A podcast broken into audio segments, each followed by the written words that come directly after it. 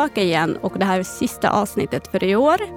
Ehm, som ni vet, i slutet av eh, varje eh, ehm, termin och nu är ju höstterminen så brukar vi alltid ha en omvärldsbevakningsavsnitt. Och det har vi i det här avsnittet tillsammans med LSUs stjärna Emelie Veski.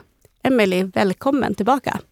Tack Seinab, stjärna, wow, vilket intro! Jättepepp att få vara här igen. Jätte, Synd att Hanna från Folk och Försvar inte kunde vara med, men så himla kul att få bolla med dig. Du har ju haft så lyxigt att sitta och prata med alla under hela hösten här. Hur har det gått? Ja, det har gått jättebra. Det var väldigt blandade liksom, avsnitt. Ehm, eh, en liten, vad brukar man säga, putpurry eh, av olika avsnitt. Det som, som är klart tydligt är väl att eh, unga, eller de som lyssnar, gillar klimatavsnittet väldigt mycket.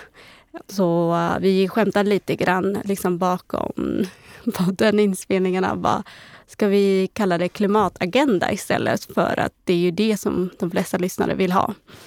Så det, ja. Men annars har det varit jättebra underlag eh, till varje avsnitt och eh, vi har liksom... Det, jag kan inte, nu när jag tänker tillbaka, jag kan inte peka på vilket avsnitt som är mitt favorit under hösten faktiskt. Har du någon favorit, Emelie? Alltså jag, mitt hjärta ligger ju alltid åt FN-hållet, så det är ju FN-avsnitten generellt som jag är, extra nyfiken på. Eh, sen brukar jag tyvärr inte hinna lyssna på alla avsnitten, men eh, jag, jag, vet ju att klimatavsnitten är sjukt populära. Eh, och jag tycker den här hösten har ju ytterligare spelat på det med alla konserter som har varit runt omkring i landet och framförallt i Stockholm med en dansandes Greta på scen dessutom. Jaha, kan du utveckla? Jag känner typ inte igen det här. Nej, det visar ju hur lite koll jag har på klimatfrågor. Ja, för jag tänkte föreslå, nu är det en klimatpodd du kör mm. nästa gång då Sina. Eh, men jag, du har alltså missat, Greta gör en, en, hon sjunger en sång också, nu kommer jag inte ihåg vilken låt det är. Ah, vi hade behövt ha någon klimatrep här med oss. Eh, men hon sjunger alltså eh, någon slags karaoke-version ihop med en eh, klimatkollega. Eh, och sen så kör de också någon, någon slags fuldans på scen. Eh, och det handlar väl om att putta, liksom, sätta tillbaka glädjen in i politiken och ge lite hopp till alla som känner sig sjukt oroade av eh, klimatkrisen som vi går igenom? Jag vet inte. Alltså, jag reagerar ju väl instinktivt väldigt cringed av den här beskrivningen, måste jag säga. Emelie. Inte illa mot din beskrivning, det är bara den här bilden av det här jag missat. Eh, att det är väldigt märkligt. Alltså jag, vet, jag tycker inte om när man liksom ska försöka vara hoppfull på det sättet genom att dansa och sjunga. Men jag är kanske en liten torris. Liksom. Jag tycker hoppfull är liksom marschera och demonstrera. Nej, men jag tror vi kommer från två olika rörelser, Greta och du och jag. Eh, och LSU traditionellt är ju mer Ja, men, eh, vi är väl byråkraterna i sammanhanget, liksom, som gnatar på med policyarbetet och gnället och eh, man sitter fortfarande liksom på ett möte där man inte har fått igenom någonting på tio år, men det är fortfarande viktigt med representation. Eh, och jag tror att våra rörelser har nytta av varandra. Eh, men eh, jag kommer nog inte i första läget ställa mig på en scen och dansa någonstans i FN-frågorna. Vad, vad, kommer du göra då? Vad, vad är din take? Min take på uh, klimatfrågan eller dansandet? Eller vad tänker Nej, du? Nej, snarare om, om du skulle göra en... Om Greta gjorde en hoppfull dans och sång, vad skulle du göra för att det skulle liksom vara hoppfullt? Nej, men jag tycker ändå att det är, det är värt att fundera på. Alltså varje gång innan jag ställer mig på scen och ska... Alltså jag tänker att det är ett oerhört privilegium att, som i den här podden, ha folk som tar sig tid att lyssna på det här avsnittet. Eh, när jag ställer mig upp, visserligen digitalt, men på LSUs årsmöte, får prata till LSUs medlemmar. Eh, när jag stod på eh, Mynttorget utanför riksdagen i höstas och pratade liksom om Afghanistan och eh, rätten att söka asyl, då funderar jag ju väldigt mycket på, med det lilla privilegiumet, eller det stora privilegiumet som jag har på den, i det ögonblicket, vad kan jag ge till de som tar sig tid att lyssna, så att de orkar föra kampen vidare? Och det är ju inte så här odelat hoppfullt. Ofta så tror jag att min, mitt engagemang kommer ju från någon slags ilska också, alltså så här att vara förbannad, att tänka vi kan bättre, vi kan göra mer. Eh, och jag vill att de ska gå därifrån och känna likadant. Eh, och det är det som jag brukar prata om, så här, bygger hållbarhet i påverkansarbetet också. Vi måste bli fler som bär frågorna tillsammans, solidariskt. Eh, så eh, det är väl min dans, tänker jag. Men det får kanske inte samma effekt. Ja, Okej, okay, så du är den talaren medan jag är den här som sitter i rummen, kanske ger lite snarky comments till eh, beslutsfattare och pekar på detaljerna i dokumenten. Det känns lite spännande Men vi alla behövs. Ja, men så sjukt viktigt att vara den här, eh, av vad vi ska kalla paragrafryttaren, besserwissern, den som ger lite snarky comments på möten. Eh, och det var också det jag dedikerade mitt årsmötestal till, som mitt sista årsmötestal i funktionen som vice ordförande till LSUs medlemmar. Alltså det, utan våra valberedningar, utan de där snarky commentsna, alltså hur skulle vi ens överleva? Eller hur? Det går inte alls. Um, men då, uh, vi börjar med Greta. Varje avsnitt innehåller alltid en diskussion om fru Greta. Men vi rör oss lite bort från klimat. Eller vill du säga någonting om COP26 som var i november? Jag tänker också på, liksom, vi blickar lite framåt efter årsskiftet, då är det ju mm, Stockholm plus 50 arbete som börjar. Liksom. Och ni som inte känner till Stockholm plus 50 för 50 år sedan, juni 22, eh, och 50 år tillbaka, jag tror det är det 1972. Är det då? Så var 50 år sedan. matte är inte min starka kunskap i skolan. Feben. Feben, googla snabbt. Do your producer work. Ja, men det är väl ungefär 50 år sedan mm. eh, som förra mötet hölls. Eh, och jag antar att det där 50 plus kommer ifrån. Ja, ja, men det står ju plus, så det skulle kunna vara 52 år eller något sånt, 53 år sedan. 72. En luring. Liksom. 72, eller hur? Jag hade rätt. Eh, ja, 1972 så var det en konferens om klimatet um, i Stockholm. Och det vill man fira nästa år, den 2 till 3 juni. Och eh, liksom blicka bakåt och blicka framåt igen, som alltid. Och där så har LSU fått en roll att jobba med ungas deltagande. Så det ska bli kul att liksom se hur det ska flätas ihop med COP26. Um, ehm, och jag tycker det som jag tycker är väldigt svårt med ungas deltagande, men framför allt med politiken, det är alltid de här eh, flera parallella processer som händer, vilket oftast förvirrar människor som inte är i de här processerna. Och det gör ju också att de här processerna inte kanske får någon tydlig effekt på gräsrötterna, liksom, eller liksom bland människor som eh, inte jobbar med högnivåpolitik. Vad tänker du som folkrörelseperson liksom, person, eh, om det, Emelie? Men jag tänker, det är alltid lätt i den här typen av mandat att man hamnar i någon slags silos. Liksom. Um, och jag tror att det alltid är lätt att det blir igen att ungdomar på något vis ska vara volontärer på ett event istället för att man är med och sätter agendan. Uh, men jag tror vi får inte heller glömma bort att det är ändå ett viktigt steg. Eh, och det är någonting som jag har lärt mig här på LSU, att vi, varför LSU fortfarande behövs, är ju för att det måste vara någon som sitter med och påminner om ungperspektivet, ungrepresentationen, ungas rättigheter. För finns det inte någon som säger det, då finns det inte med alls. Eh, och därför blir ju våra ungdomsreppar enormt viktiga i alla organ där de finns. Jag tänker även nu på mänskliga rättighetsdagarna som var i Göteborg, Eh, då hade vi ju ordnat sådana här ungdomskommentatorer i vår monter som kommenterade programmet. Ja, det kanske inte fanns ungdomsrepresentation i varje seminariepunkt, även fast temat var unga. Men vi var ändå där och på något vis ansvarsutkrävde och möjliggjorde ett samtal om ungas representation. Så det tror jag fortfarande är sjukt viktigt. Det här får mig att tänka på att um, um, EUs pre president, som man brukar säga, som är kommissionär, höll ett ganska roligt, inte roligt, men bra tal i eh, början av eh, hösten. Och där nämnde hon ju att eh, 2022 ska bli EUs ungdomsår. Du lyssnade också på det talet, antar jag? Ja, Ursula von der Leyen. Jag förstod det som att det var en jättestor överraskning för dig. Kan inte du berätta? Den berättelsen var är så sjukt. Och eh, man sitter, man hör, hon säger det här ska bli ungdomsåret eller EUs ungdomsår. Vi ska dubbla alla satsningar, vi ska eh, vi i framtiden, EU ska göra mer. Och så är det ingen som är insatt. Så här. Bra, men eh, ursäkta, va? Ja, det är typ det som hände. Eh, jag var ju i Paris ehm, för att eh, förbereda inför kommande ordförandeskapscykel där Sverige kommer ingå i EUs ungdomsdialog. Det är den liksom, eh, forumet som Elsie och Hanna är ungdomsrepresentanter i.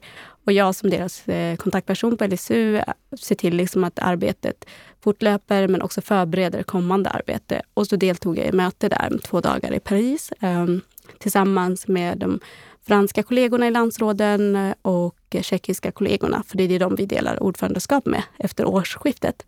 Och då sitter vi där och tänker liksom, okej, okay, vi sitter och förbereder vårt arbete efter årsskiftet och tänker, ja, men hur ska vi få in kommissionen? Tyvärr, kommissionen var inte på plats. Det var bara vi landsråd och eh, regeringarna, eller de som jobbar med det här området på regeringsnivå.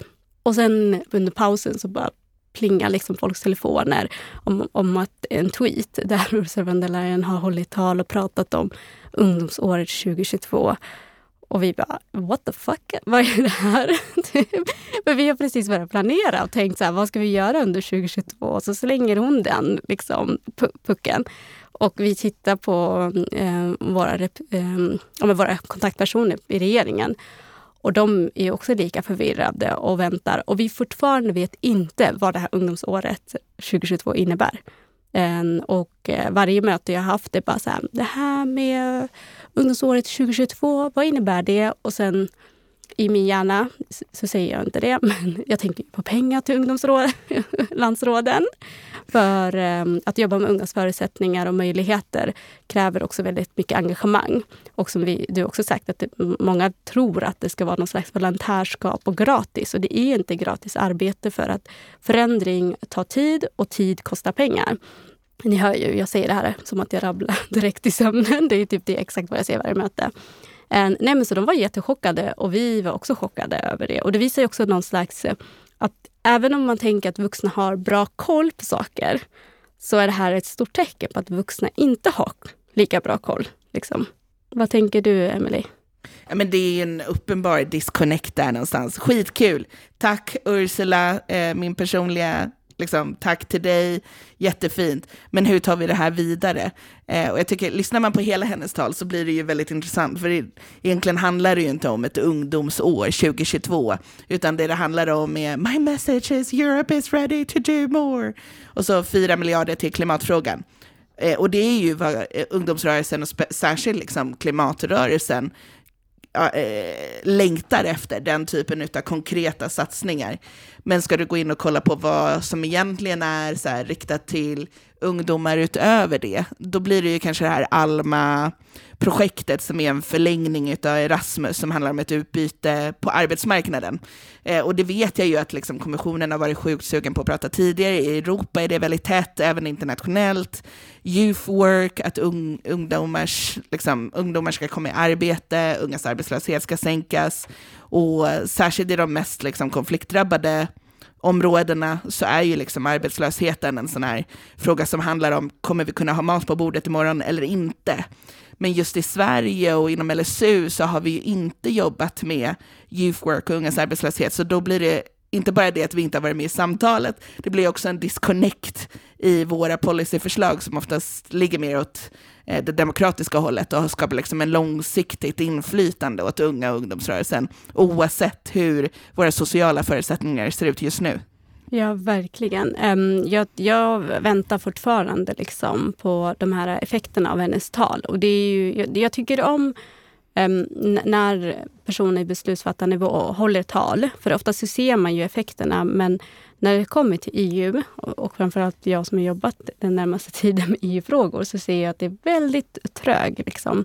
Um, och det tar tid och man får verkligen liksom tolka detaljerna konstant. Och vad, vad betyder det här och hur menar de? Liksom också det här med Alma.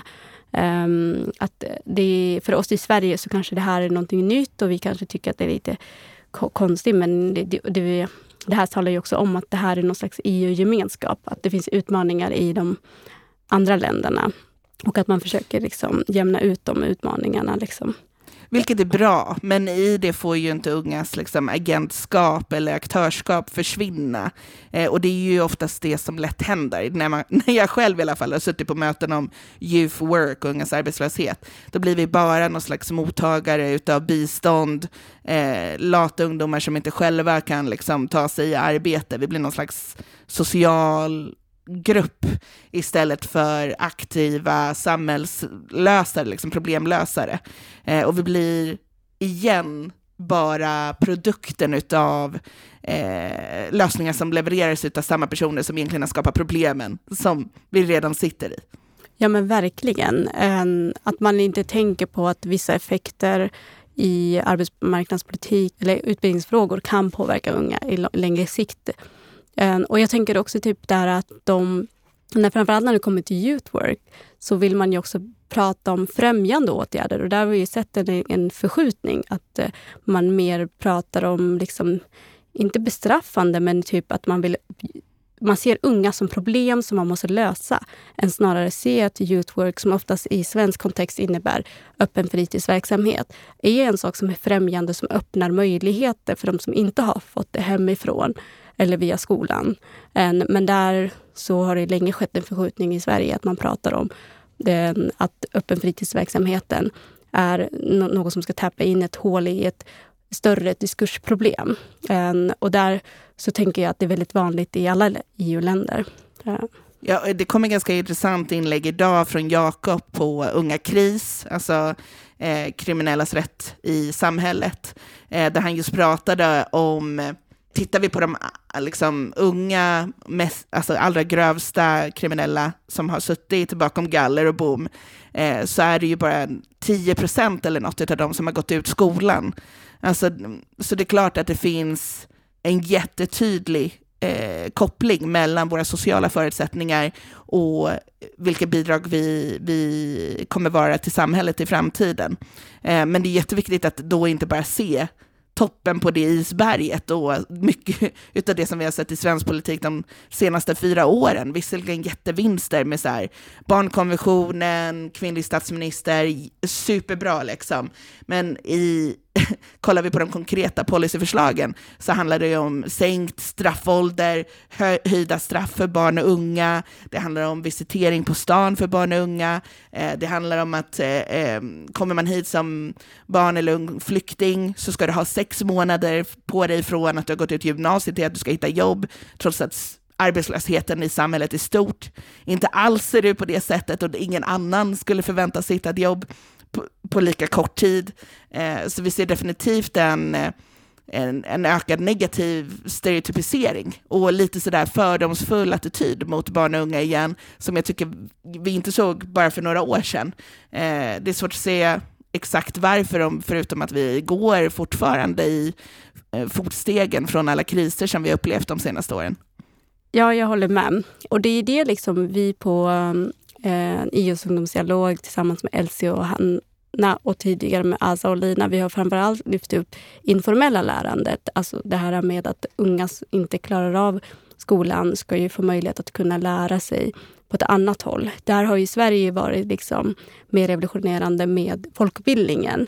Men, och vi vill liksom visa upp att civilsamhället och det man lär sig, bland annat typ med Ung Kris, att det här informella lärandet ska också kunna ge ett stöd så som det via skolan som är med det formella lärandet.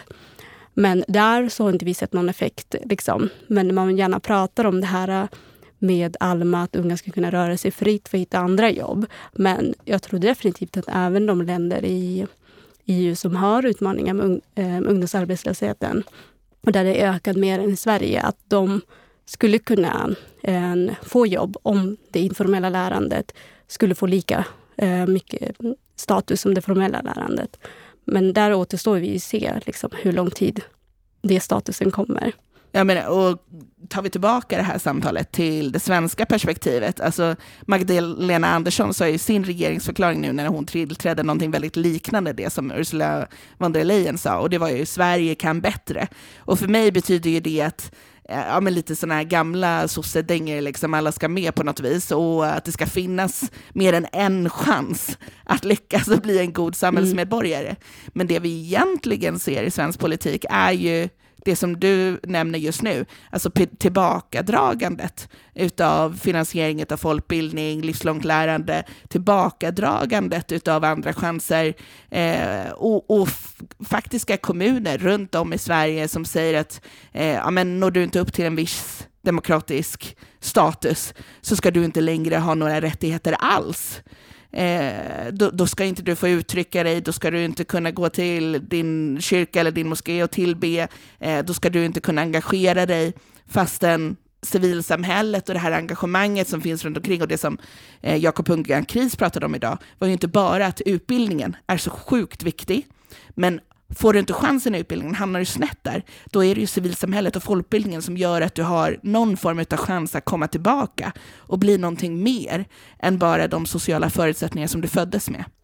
Ja, verkligen. Alltså det är som nu Eh, det enda jag tänker på, men tidigare hade man komvux, men man har ju skärt ner jättemycket och då har ju civilsamhället täckt upp otroligt mycket med att kvalitetssäkra eh, människor så att de kan få eh, de utbildningar de inte hade kunnat få via den formella lärande.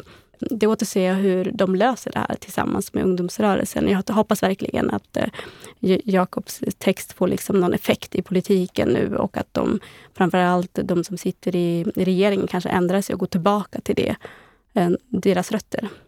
Jag, är väldigt nyfiken på att snacka mer, mer val med dig, Seinab. Eh, jag vet ju att det här är något du har diskuterat mycket i podden. Eh, vi har ett stort valår nästa år, inte bara för Sverige, utan våra partnerländer och allt möjligt. Jag diskuterade väldigt mycket under mänskliga rättighetsdagarna, där vi båda var med. Eh, och, och, jag är lite sådär orolig. Eh, Riksrevisionen meddelade idag att man inte kommer släppa sin rapport om studieförbunden förrän två veckor innan valet. Va? Ja. Eh, så det där kan ju verkligen bli en sån här ödesfråga i sista minut. Jag måste sansa mig lite grann tycker jag. så gärna om du är pedagogisk innan jag börjar raljera om att det här kanske påminner om när um, Wikileaks släppte um, Hillary-mailen precis innan valet i 2016 än i USA. Men det kanske inte är den typen av effekt. Kan du bara men liksom precis, man kan ju vara, ska man ta hoppfull eh, perspektiv på det här eller ska man liksom ta konspirationsvägen när man ska tolka det här? Det är ju fint på något vis att de meddelar det nu, för jag tror att de själva har fattat på Riksrevisionen att oj, den här tidsplaneringen var inte så himla bra, men nu är det den tidsplanering som ligger. Eh, vi glömde typ lite grann bort att det var val den veckan, så vi tänker att vi ska ta upp den här rapporten. Eh, jag tror att alla studieförbunden sitter lite grann med hjärtat i halsgropen just nu. Eh, för vad Riksrevisionen har gjort är ju att man, eh, och man, man gör ju det till och från, alltså så här stora granskningar av ja, men vad går eh, statsbidraget till studieförbunden till? Vad gör studieförbunden? Eh, vad är en studiecirkel? Hur många deltar i den verksamheten? Eh, varför är den viktig? Eh, för statsbidraget för studieförbunden har ju väldigt så här, tydliga direktiv och en sån fråga som har varit uppe mycket senaste året, eh, men, men jag skulle vilja säga de, de senaste åren, är ju demokrativillkoret. Eh, och det som man har sagt på nationellt håll är ju att man inväntar Riksrevisionens rapport innan man ska fatta beslut om ett nytt demokrativillkor. Tidigare har bidrag både till så föreningar och även studieförbund sagt att ja, man ska inte hindra demokratin och man ska bidra till demokratin. Men det får man liksom utforma och motivera på vilket sätt man vill. Eh, men den trendutveckling som vi har sett och särskilt den hårda debatten som har varit i media under 2020 och 2021 eh, har det ju handlat om att eh, Moderaterna hade en kampanj i våras som sa inga etniska organisationer ska ha några bidrag överhuvudtaget. Eh, det kom helt outrageous, alltså verkligen så crazy debattartiklar som sa att det var 60-70% fusk i studieförbunden och man hade sagt att det fanns två personer som man hade fika med som sa det, som var goda källor. Eh, och, och, och, samtidigt har vi liksom ett helt ifrågasättande, för det är ingen som förstår hur studieförbunden och civilsamhället hänger ihop och hur den här finansieringen ser ut. Eh, så jag tror för de som inte är insatta i statsbidragsfrågan, eh, när Riksrevisionen sen kommer leverera sin rapport så kommer det bli en ödesfråga och det kommer spela väldigt stor roll om ett parti väljer att plocka upp innehållet i den, oavsett om det är positivt eller negativt. Och jag tror att det blir så många siffror att det är väldigt lätt för den som vill driven av finansiering av civilsamhället, livslångt lärande, folkbildning, kommer kunna göra det. Eh, och det är väl lite det du hintar till med att det känns lite grann som de här mejlen mellan Hillary och Ryssland. Citattecken. Och eh, för ni som inte känner till vad Riksrevisionen är, det är, det är den svenska myndigheten som granskar all verksamhet som bedrivs av staten och även liksom bidrag. Ehm, även om verksamheten i studieförbund och civilsamhället inte bedrivs av staten så får de stöd av staten och då granskar Riksrevisionen det. Jag ska försöka vara hoppfull, ehm, även om jag oftast är skeptisk till myndigheter. Och det är liksom utifrån mina mänskliga rättigheter glasögon. Ehm, att alltid liksom så här, att rättigheter och friheter borde vara en självklar kan, kan jag säga det? Rättigheter och friheter borde vara självklart att kunna liksom tillämpa.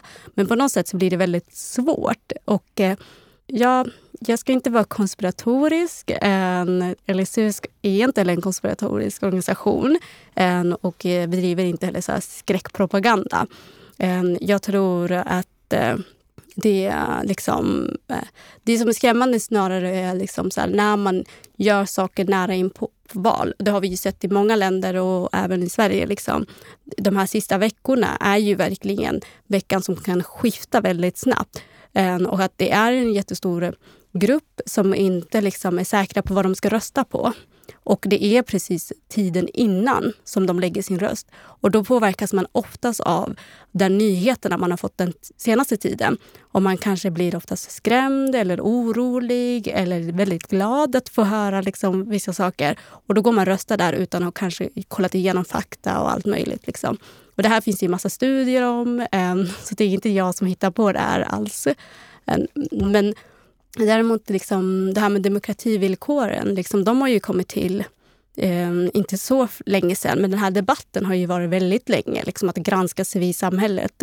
Eh, och det är ju väldigt nytt eh, på något sätt för, eh, i Sverige. Och eh, den här granskningen har ju blivit någonting negativt. Alltså granskning är bra i sig. Vi ska alltid granska, vi ska alltid vara källkritiska. Ehm, det är bara liksom när man väljer ut vissa grupper som ehm, mänskliga rättighetsaktivister och eh, organisationer som jobbar med rättigheter blir lite orolig. Och i det här fallet har vi sett en tydlighet vilka de grupperna är, eller hur Emelie? ja, jag tycker, ska vi verkligen gå ska runt gå het gröt liksom? Men alltså det handlar ju om eh, alla trosamfunden, det handlar om alla minoriteter, det handlar om alla grupper som har någon form av identitetsförankring. Eh, och väldigt sådär hård ton i media där man säger att separatismen är dålig eller mångfalden på något vis skulle vara, vara ett hot mot majoritetssamhället liksom, eller mot demokratin.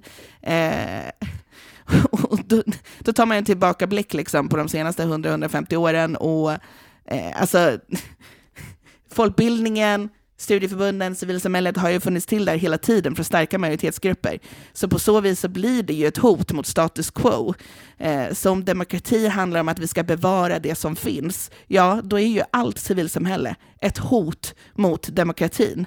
Men om vi snarare ser kvinnors rösträtt, eh, arbetares rättigheter, eh, religionsfriheten som nödvändigheter för att utveckla vår demokrati och att demokratin vi har idag inte är fullbordad, då blir civilsamhället en nödvändighet för att uppnå den demokrati som vi strävar efter.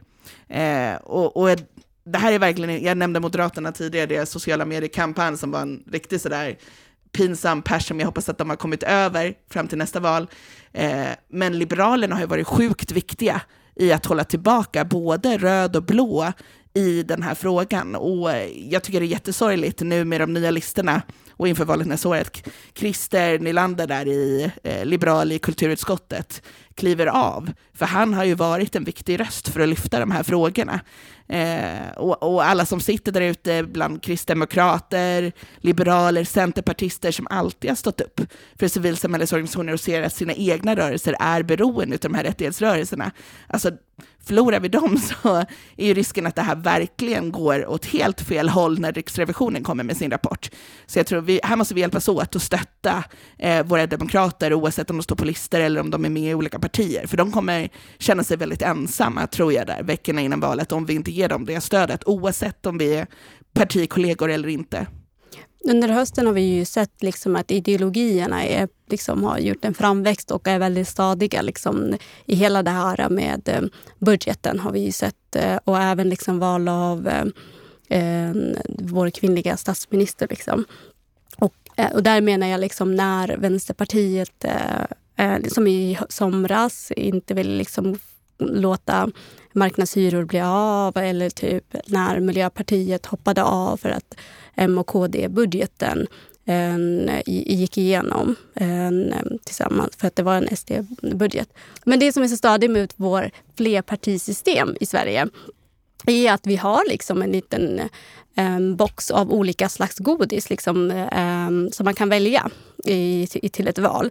Men där saknar jag social, socialliberalism väldigt mycket. Jag tycker att det, de för det väldigt bra liksom, del att hålla både höger och vänster eh, stadigt och att socialliberalism ska få, få en, liksom en revansch eller en comeback eh, till valet 2022 eller va, efter det valet.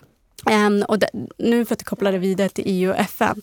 Alltså självklart um, vilka diskurser eller ideologier som får en, väldigt, en stor mand majoritet eller mandat i, i riksdagen kommer ju påverka en, el, eh, kommer påverka Sveriges roll i FN. Och vi vet redan en, att de olika partierna tycker olika kopplat till ehm, eh, um, EU och FN. Bland annat eh, liksom förra Europaparlamentsvalet så var SD är väldigt inne på Swexit, alltså typ för att härma Brexit. Liksom. Ehm, och det kan ju också bli en effekt för att, som vi sa förra avsnittet, så ehm, vilka vi väljer in i riksdagen har ju också mandat att se hur de här, ehm, den här politiken och de här lagarna på något sätt ska få effekt i Sverige. och vad, hur vi ska tillämpa det, eller om vi ska tillämpa det. Och där tänker jag liksom att det blir väldigt svårt att när EU är så en stor del av vårt liv och FN liksom öppnar upp massa möjligheter för dialog och, eh, mellan olika kontinenter och länder så vill man inte att Sverige ska ta flera steg bakåt i de här eh, um, forumen. Och jag tror verkligen inte att vi har beredskap idag när det kommer till flera av de här valfrågorna. Och lite tack vare, men också på, som konsekvens av att vi firar demokrati 100 år, så har demokratifrågorna också hamnat på, uppe på agendabordet. Och det innebär ja, vi har möjlighet att, att, utvecklas och stärka vår demokrati både i Sverige och globalt. Eh, men det finns också stora risker med att de här frågorna är uppe utan att vi har beredskap för hur vi ska hantera det när vissa saker som vi har tagit för givet i kanske flera generationer till och med helt plötsligt ifrågasätts. Eh, och jag är mycket orolig över hela den här antivax-rörelsen som jag tror inte bara har skadat synen på vaccin utan också skadat eh, människors syn på eh, offentliga myndigheter. Eh, så det, det, är en stor oro inför valet. Hur kommer det här valet påverkas utav eh, ja, men vår nya regering nu? Hur kommer det påverkas utav debatten? Hur kommer det påverkas utav de här sista minuten-grejerna? Jag, jag blir mer, mer orolig hur, ju starkare den här antivaxgruppen blir. Eh, men sen så syns det ju tydligt, alltså folkbildningsfrågorna kommer ju upp på högsta nivå, men på ställen där vi tidigare aldrig har diskuterat folkbildningen. Eh, och där är civilsamhället oförberett också. Eh, Morgan Johansson la upp på eh, sin Facebook i veckan att eh, han nu satt på EU-toppmöte och diskuterade att han var orolig för hur utländsk, finans, eh, utländsk finansiering av civilsamhällesorganisationer i Europa och i Sverige. Ja, fast de senaste tio åren har vi avfinansierat allt som heter studieförbund och eh, scoutaktiviteter för religiösa unga och eh, muslimska folkrörelsen och vad det nu kan vara. Ja, vad ska de annars få pengar ifrån? Ja, men det, det, sker konstanta förflyttningar inom traditionella civilsamhällesfrågor och det är samma sak med ungdomsfrågorna och ungdomsrörelsens frågor. Eh, jag känner mig lite orolig över, eh, Ylva Johansson har varit en kämpe för flyktingfrågorna på EU-nivå till exempel. Eh, hur kommer hennes mandat som kommissionär påverkas av att vi nu har en helt socialdemokratisk regering till exempel? Hur och jag tror att Sverige sitter med lite grann en identitetskris. Alltså, vi får höra att vi gör bra ifrån oss internationellt. Vi pushar unga ungdomsåret, vi har ungdomsreppar, vi har ungdomsinflytande, vi har en jämställd utrikespolitik, nu har vi en kvinnlig statsminister, skryt, skryt, skryt, humble brag. Mm. Liksom. Mm. Men egentligen så är våra ungdomsrepresentanter inte involverade i de här besluten. Egentligen driver myndigheter sina egna ungdomslösningar eh, och egentligen har vi fortfarande stora problem sedan metoo eh, och har inte gjort särskilt mycket för unga tjejer i Sverige sedan 2017. Alltså jag tror, jag, jag, vet inte om vi var redo att hantera demokrati i hundra år. Jag tror inte vi har beredskap inför valet. Och jag tror ungdomsrörelsen kommer vara sjukt viktig i att hålla våra politiker ansvariga för att demokratin inte ska vara repressiv, utan att den ska fortsätta utvecklas, eh, där vi alla kan inkluderas och öka vår delaktighet. Verkligen. Eh, det gör mig väldigt hoppfull att höra det här. Du är en fantastisk talare. Jag bara, I will vote for you next year. ja, de har redan satt listorna tyvärr, så det blir nog ingen uh, Emily for president. Nej, du får starta ett Emily-parti. Du har en röst så länge. Even räcker upp handen också. Två röster redan. Det går snabbt, Emily med ditt parti. Eller hur? superrekrytering här i uh, Unga Agenda-podden. Ja. Men ja. ja, alltså valet är ju... Jag var alltid hoppfull inför val. För jag tänkte så här, nu testar vi demokratin. Men nu har var, varje val bara, I'm not ready for this. Um, för, för att det är så svårt att... Dels liksom, um, som politiskt in, väldigt politiskt in, intresserad person så tycker jag att när jag pratar med folk och folk alltid går fram till, till mig, mina nära och kära, bara Sina, vad ska jag rösta på? Vad, hur ska jag göra? Hur ska jag tänka? Det, det jag ser och hör är att det finns en väldigt låg kunskap om partierna, om de olika valnivåer vi röstar på. Och de är ju riksdagen, kommun och region. Och eh, där, där, vet jag inte heller, en kombination med det du sa om typ Eh, Eh, utmaningarna för civilsamhället är att civilsamhället har alltid varit där och haft olika valarbete som inte har byggt på att de vill ha egna röster, helt enkelt. Och eh, de rösterna liksom innebär... Civilsamhället vill inte ha egna röster. Det enda de vill ha är att folk lär sig om hur man ska rösta till val, hur man ska förstå partierna, hur man ska förstå uppläggen. Och eh, till skillnad från partierna som vill ha röster, som ser en liksom, gain, eller, alltså de ser en vinst i att utbilda folk eh, för att då får de en röst till sig själv. Det gör ju inte civilsamhället. Och där ser jag en koppling. Så här, varför ser vi de här eh, om demokrativillkoren, granskningen, trycker ner, tar bort resurser? V vad betyder det? gör mig väldigt rädd inför kommande val. V vad känner du? Pandemin har ju liksom blottlagt, tycker jag, eh, många luckor som vi har underfinansierat framförallt senaste åren, men också att vi har pratat om allting är pengar. Alltså det, det innebär att vi sitter i en jättekonstig sits nu, eh, där även där man hanterar finansiering till civilsamhället som att civilsamhället skulle vara en leverantör av offentliga tjänster. Alltså lite det här som vi pratade om tidigare, att helt plötsligt sitter vi och ska arrangera eh, Stockholm plus 50 och ungdomsrörelsen ska vara liksom volontär på plats men inte ha något inflytande över agendan. Liksom. Eh, och det är ju inte bara ungdomsrörelsen som säger det, utan det är ju alla rättighetsbaserade rörelser. Eh, och, och där inflytandet ser extremt olika ut, kommun till kommun, eh, där dialogen ser väldigt olika ut från kommun till kommun. Jag vet, jag vet kommuner som har infört bank-id för att du ens ska kunna skicka in motionsförslag till din kommun. Eh, jag vet eh, kommuner som har 16 och 18 års gräns för att skicka in förslag till din kommun. Eh, jag vet kommuner som på sina listor alltså partilistorna, eh, har kanske en befolkning där unga står för 30-40 procent av befolkningen, men bara är 7, 8, 10 procent utav de som står på listorna och då inte ens på valbar plats. Alltså hur kan vi prata om demokratisk representation och ett färdigt, en färdig svensk demokrati när vi inte ens har fått till de delarna? Och det har varit mitt viktigaste budskap när jag typ har varit på äh, Centerdagarnas kommundagar. Alltså om du som politiker ännu inte har pratat med en ung, ännu inte har pratat med en ungdomsorganisation, nej men då har du inte tagit ditt ansvar som politiker. Gör det! De sitter och väntar på att bli inbjudna. Sen kanske det kräver tid, det kanske kräver förberedelse, eh, men det innebär att det är en prioritering. Och det är en prioritering som man kan välja att göra. Och väljer man att inte göra det, då har man valt att nedprioritera det. Nu går vi liksom djupare in i valet. Jag tänker att det skulle vara bra om du skulle kunna liksom ge lite tips eh, till de som lyssnar. Eh, vi har några vuxenlyssnare har jag fått veta under MR-dagarna, vilket är roligt. Eh, och, ehm, och, hur du kan berätta, liksom, Emily, hur kan man påverka som ung eller som jobbar med unga ehm, för att öka kunskap om valfrågor. I men först shout-out till alla vuxna ungdomsallierade. Jag ska ju själv pensioneras här vid nyår eh, och kommer tycka att det är så sjukt kul att få fortsätta vara en ungdomsallierad. Eh, och det är väl det viktigaste, så här, partnerskapet, att söka ett partnerskap aktivt med de som behöver solidariteten. Och det är både superlokalt och en, en fråga om globalt partnerskap, alltså säker, solidarisk säkerhetspolitik.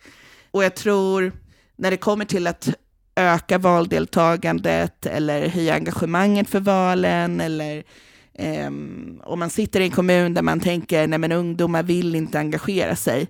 Alltså det enda man kan göra är ju då lyfta fram demokratiutredningen eh, från 2016-2014 där det tydligt står att 50 procent av svenska ungdomarna vill ha mer inflytande, men vet inte hur. Alltså, man vill engagera sig, men det är ingen som har frågat om man vill hjälpa till i princip. Eh, och de flesta kommuner har ju liksom elevråd. Konsulterar ni elevråden? Kollar ni vad de tycker, vad de tänker, vad de pratar om på sina skolor? Alltså jag tror, blickar vi ut över svenska kommuner så tror jag inte jag att det är särskilt många kommunordförande som har pratat med sina elevråd. Och där är ju en så här jättenyckel och bro rakt in i ungdomsgrupperna. Liksom. Eh, sen är det ju klart att vi måste få med oss alla typer av barn och unga. Eh, men jag tror vi måste jobba liksom i, i alla ändar. Och, och, i många kommuner så jobbar man inte i någon ände. Så att göra lite självrannsakan, många säger att man kanske har gjort någonting tidigare, men det funkar inte. Nej, men det kanske funkar nu med den här nya ungdomsgruppen. Jag tror att det är det minsta vi kan önska, liksom, att det görs ärliga, genuina försök från vuxna allierade. Tack så mycket för den här, det här samtalet. Är det någonting du vill liksom berätta om vad du kommer göra nu när din liksom, sista tid eller efter ungdomsrörelsen. Vad kommer du göra och vad, vad ser du fram emot 2022? Jag ser fram emot att fortsätta engagera mig för demokratin och de demokratiska värdena. Det, den glöden kommer alltid finnas med mig. Det, orättvisorna tar inte slut, men det gör inte heller min ork. Och jag tycker att vi är fler och fler som vaknar upp från en slags sömnighet. Eh, så jag är eh, pepp på att se vart de här nya progressiva vågorna tar oss någonstans. Sen är jag lite osäker på vad det betyder för mig personligen, men eh, jag kommer fortsätta ha mina ögon på den här podden såklart, eh, och på LSU och våra medlemsorganisationer i stort. Ja, och vi kommer ha koll på dig, Emelie. Du kommer säkert komma tillbaka i en, en annan roll, förhoppningsvis. Så tack igen för att du är med i den här podden och tack för att ni som har lyssnat. Och vi ses ungdomsåret 2022.